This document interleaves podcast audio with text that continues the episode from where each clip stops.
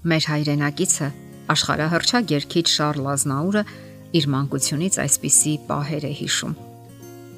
Երբ ես 5 տարեկան էի, մայրս միշտ կրկնում էր, որ կյանքում ամենակարևոր բանը երջանիկ լինելն է։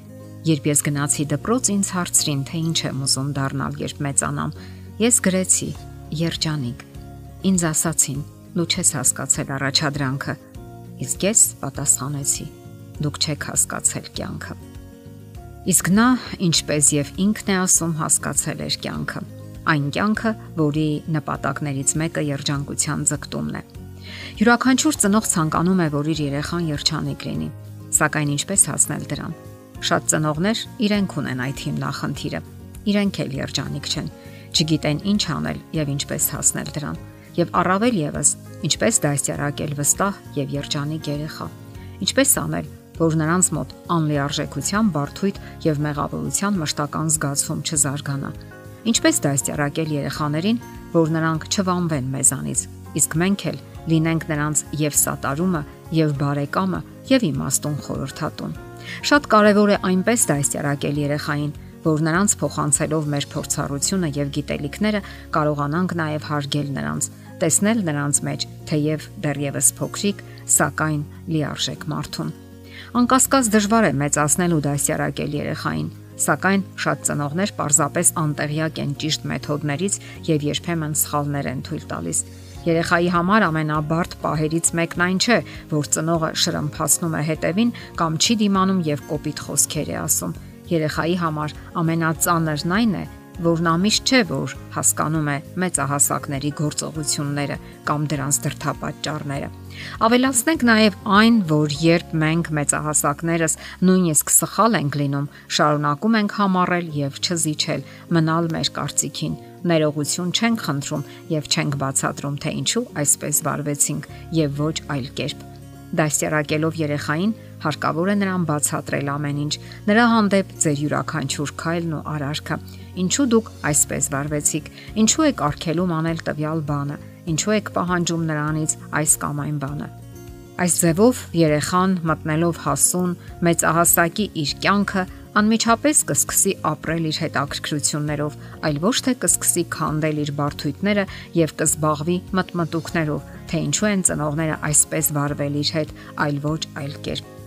Չէ որ երեխան սկզբում մտածում է, որ ծնողներն իդեալական են եւ երբեք չեն սխալվում, սակայն դա այդպես չէ։ Եվ միայն մեծանալուց հետո են երեխաները տեսնում ծնողների սխալները, որ իրենց հանդեպ հաճախ անարդար են վարվել, չեն բարեհաճել ներողություն խնդրել եւ այլն կամ ինչու են իրենց հիմար, մռայլ կամ անհաջողակ անվանել, եւ երեխան բավական երկար ժամանակ վատնում է այն բանի վրա, որ գիտակցի, թե ինքը մյուսներից բոլորովին էլ վատը չէ եւ անցնում է թանկագին ժամանակը, իսկ այդ ընթացքում նա բավականին հնարավորություններ է կորցնում, որpիսի ավելի հետաքրքիր ու երջանիկ դարձնի իր կյանքը։ Այսինքն ժամանակը վատնում է իր մեջ ամփոփված թերարժեքությունը կարգավորելու վրա։ Մեղավորության զգացումը եւ ցածր ինքնագնահատականը արտացոլվում են նաեւ նրա անձնական հարաբերություններում, ամուսնության մեջ։ Այն ազդում է աշխատանքային գործունեության վրա, նրա առաջընթացի վրա։ Նման երեխաները հրաժարվում են լավ աշխատանքից մտածելով, որ իրենք արժանի չեն դրան։ Դա ուրիշներինն է Ծնողների վերաբերմունքը երեխաների հանդեպ ձևավորում է նրանց վերաբերմունքը իրենց սեփական անձի հանդեպ, իրենց ողջ հետագայի հանդեպ։ Նրանք չեն կարողանում վերցնել լավագույնը, որ առաջարկում է կյանքը, այլ զբաղված են ինքնախարազանմամբ։ Մենք վերցնում ենք այն, ինչ կոպիտ ասած зерքներս է ընկնում, իսկ երբ գիտակցում ենք, որ ամեն ինչ մեր зерքերում է, ավելի հանգիստ ու վստահ ենք դառնում, որովհետև կառավարում ենք մեր հնարավորությունները եւ նույնիսկ ստեղծում ենք այդ հնարավորությունները եւ կյանքը ավելի հետաքրքիր է դառնում։ Եվ այսպես ձգտեք երեխաներին բացատրել ձեր բոլոր քայլերը, ձեր բոլոր արարքները։ Դա ոչ միայն երեխաներին է անհրաժեշտ, այլև ձեզ, որովհետև երբ դուք բարերով արտահայտում եք ձեր արարքներն ու խոսքերը, վերանայում եք դրանք, ավելի հեռվից եք նայում, նորովի եք նայում դրանց, տեսնելով ձեր սխալները եւ նույնիսկ պատրաստ եք ուղղելու դրանք։ Իսկ երբ մեծահասակները սխալվում են, ինչ են անում նրանք Հիմնականում փորձում են թաքցնել ու քողարկել դրանք կամ մի լավ լղոզել ճշտանման հորինվածքներով եւ ոչ մի զղջում, ոչ մի ներողություն։ Այն տպավորությունն է, որ նրանք վախենում են իրենց չեղած ուսադիրները կորցնելուց։ Սակայն ճիշտն այն է, որ ուղակի ասեք. ես սխալվեցի։ Սխալվելը սարսափելի չէ, սարսափելի է, երբ մարդը չի ցանկանում կամ չի կարողանում խոստովանել իր սխալը։